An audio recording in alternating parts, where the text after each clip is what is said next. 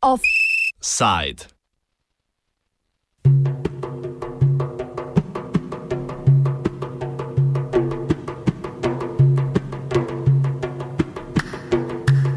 Sprostitev sankcij Sudanu.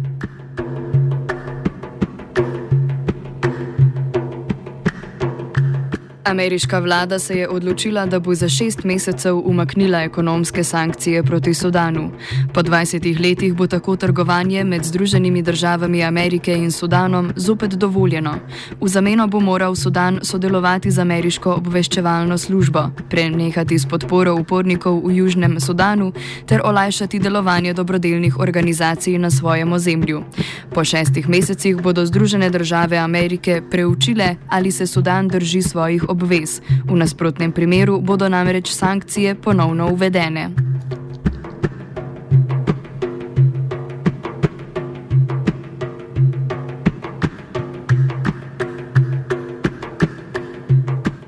Sankcije proti Sudanu so druž Združene države Amerike uvedle leta 1997. Sudanska vlada je za ameriški okus namreč preveč podpirala muslimanske skupine v Afriki in na Bližnjem vzhodu. Gostila je naprimer Obamo bin, Osamo bin Ladna in sodelovala pri panarabski islamski konferenci. Po izbruhu nasilja v Darfurju je Buševa administracija leta 2007 uvedla dodatne sankcije proti sudanskim državnim podjetjem in posameznikom posameznikom, ki naj bi pri njem sodelovali. Sudanski predsednik Omar Hassan al-Bashir je bil leta 2008 na mednarodnem kazenskem sodišču obtožen vojnih zločinov in zločinov proti človeštvu zaradi udeležbe pri genocidu v Darfurju. Kljub ameriški odločitvi o dvigu ekonomskih sankcij bodo sankcije proti nekaterim posameznikom ostale. Prav tako Sudan ne bo umaknjen z ameriškega spiska držav podpornic terorizma. Ostala bo tudi prepoved prodaje orožja Sudanu.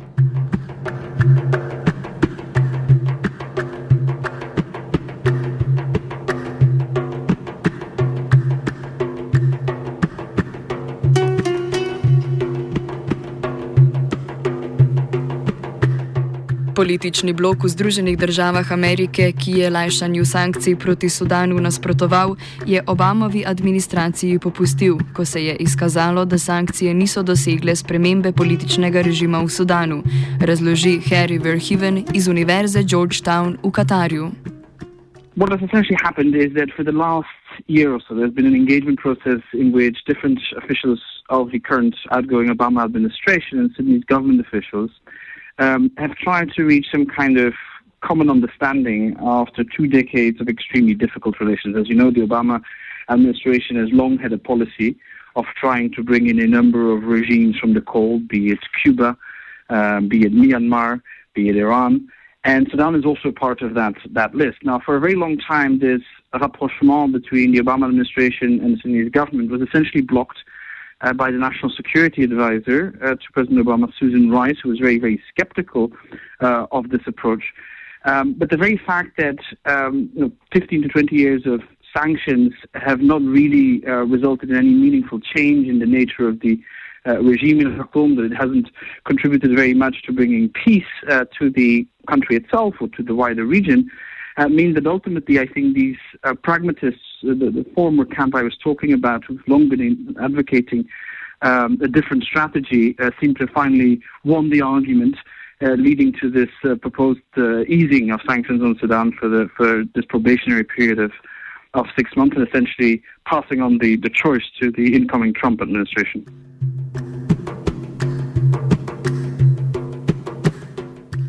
Ameriške oblasti so kot razloga za svojo odločitev navedle izboljševanje stanja človekovih pravic v državi in njeno pomoč pri boju proti terorizmu. Ključne, ključnega pomena za takšen korak pa je bila po vsej verjetnosti sprememba sudanske zunanje politike. V 90-ih letih je bil Sudan namreč tesno povezan z Iranom in Irakom, ter je naprimer podprl iraški napad na Kuwait leta 1990. V zadnjem času pa se približuje Saudski Arabiji zaveznici Združenih držav Amerike. Leta 2015 ji je tako poslal vojaško pomoč za vojno v Jemnu. Verheven razloži, da vzroki ležijo predvsem v obilni finančni pomoči, ki jo je državi v zameno ponudila Saudska Arabija. Well, this is a long-standing pattern in Sudan's international relations that stretches back many decades. You know, Sudan is a poor African country, um, and as such, of course, it tries to extract maximum rent, maximum outside support, be that financial support or political support or military support, from a range of, of countries. Now, for the last 10, 10 or so years, Sudan indeed had, had been trying to balance, uh, on the one hand, uh, Saudi Arabia, on the other hand, Qatar, Iran, the Emirates. Uh, but in the context of the war uh, in Yemen, uh, which is so central and so crucial to, to Saudi Arabia, uh, the Saudi King Salman and his uh, deputy crown prince Mohammed bin Salman essentially made President Bashir an offer he couldn't refuse. They put so much money on the table um, that really, given the ongoing recession in Sudan that has been there for the last five years, um, there really was no question for Bashir of saying yes or no. This was obviously going to be yes, and so that's that's why he he closed down uh, the Iranian Cultural Center, expelled a number of, of diplomats, downgraded relations uh, with Iran, uh, thereby rupturing this this strategy that I, I, described of initially carefully balancing different uh, Gulf Arab countries, but now very clearly uh, choosing to to align himself with Saudi Arabia and to a lesser extent the United Arab Emirates. Eden od pogojev za dvig sankcij je tudi, da Sudan preneha podpirati upornike v Južnem Sudanu. Ta se je od Sudana odcepil leta 2011, od leta 2013 pa v njem divja državljanska vojna. Ahmed Soliman iz Britanskega kraljevega inštituta za mednarodne zadeve razloži, da je upornike Sudan podpiral zato, ker naj bi južno-sudanska vlada podpirala nasprotnike sudanskega režima. The South uh, seceded and became independent from the north, uh, many people who would consider themselves to be southern Sudanese remained in the north. Um, fighters as well who were continuing to uh, oppose the regime in Khartoum uh, remained uh, in in the north, and you have the uh, version of the SPLM, uh, which is uh, the government side on the on, in the south, which is called the SPLM North, continuing to be part of a, a revolutionary front, which is actively pursuing um, uh, opposition against the government.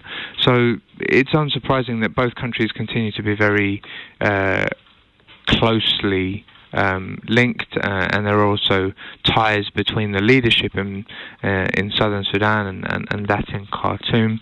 Um, and so Sudan continues to influence things closely in South Sudan. Um, as I said, including on uh, the peace agreement side, it's been an important actor in the regional negotiations. Sudanese government have long accused, as part of the bilateral relations since the the um, the splitting uh, of the two countries, have long accused um, uh, the government in South Sudan of supporting um, those opposition groups, um, continuing to support those who reside in the north and, and, who oppose the government there. So it's been a bone of contention and a strain on the bilateral relations um, as the two countries have separated.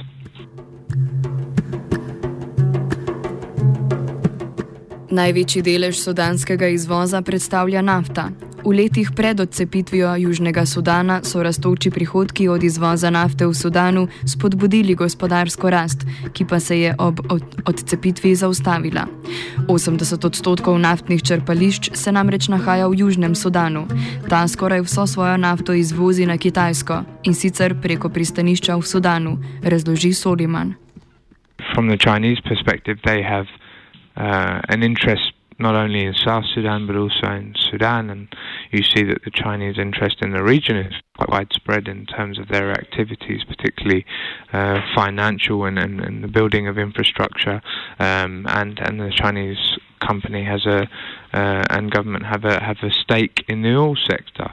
So the oil sector is um, important, and, and, what we know about that is when secession happened, the majority of the oil fields went with South Sudan. Uh, I think 75% of the oil fields went with South Sudan, and so the civil conflict there has affected output. Um, but all of the transport infrastructure uh, remains in the north of the country.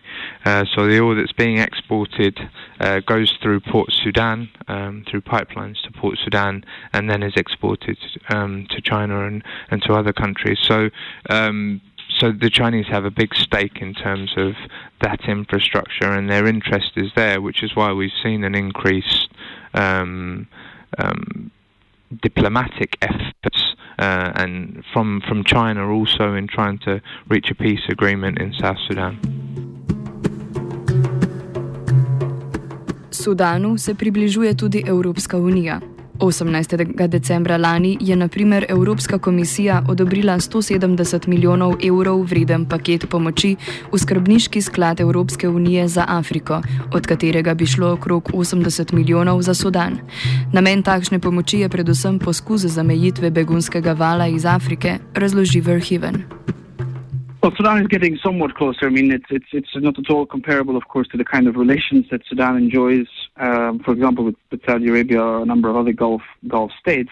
But yes, there have been a number of initiatives by the European Union as part of something called the Khartoum process, which indeed ultimately is about trying to stem the flow of migrants from the Horn of Africa. Because, as you may know, the third biggest group after Syrians and Iraqis trying to get into the European Union are Eritreans, and then up to a lesser extent, also people from, from Somalia, sometimes Ethiopia, Sudan, or a number of other East African countries. So, in that sense, for the European Union, um, this really very much is a question of, of, of trying to, to curb those flows, even if this is at the expense of raising, for example, human rights issues or access of the issue of access of humanitarian organizations to uh, conflict zones in Sudan, be it in Darfur or in South Kordofan or in Blue Nile. Um, or, of course, um, more generally, uh, the issue of, of President Bashir and a number of his close associates' indictment for the International Criminal Court. Um, given how dire the situation is in places like, like Germany, you've indeed seen this uh, this change, of course, in, in, in Brussels, in which um, serious amounts of money are dangled before the Sudanese government. Um, if it helps to uh, to process some of these migrant applications there, helps keep uh, keep people out.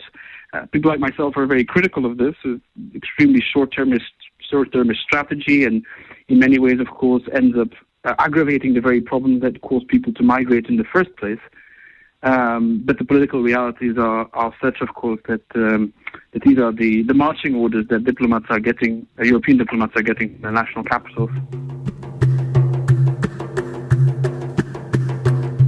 Omenjene nove mednarodne vezi pa po mnenju Verhivna niso in ne bodo zmanjšale visoke stopnje revščine v Sudanu. Tudi odprava sankcij k temu ne bo bistveno prispevala, čeprav so sankcije disproporcionalno vplivale prav na revno prebivalstvo, zaključi Verhiven. No, Sudan is a, is, is a such a, a rich country, but it has a huge amount of poor people.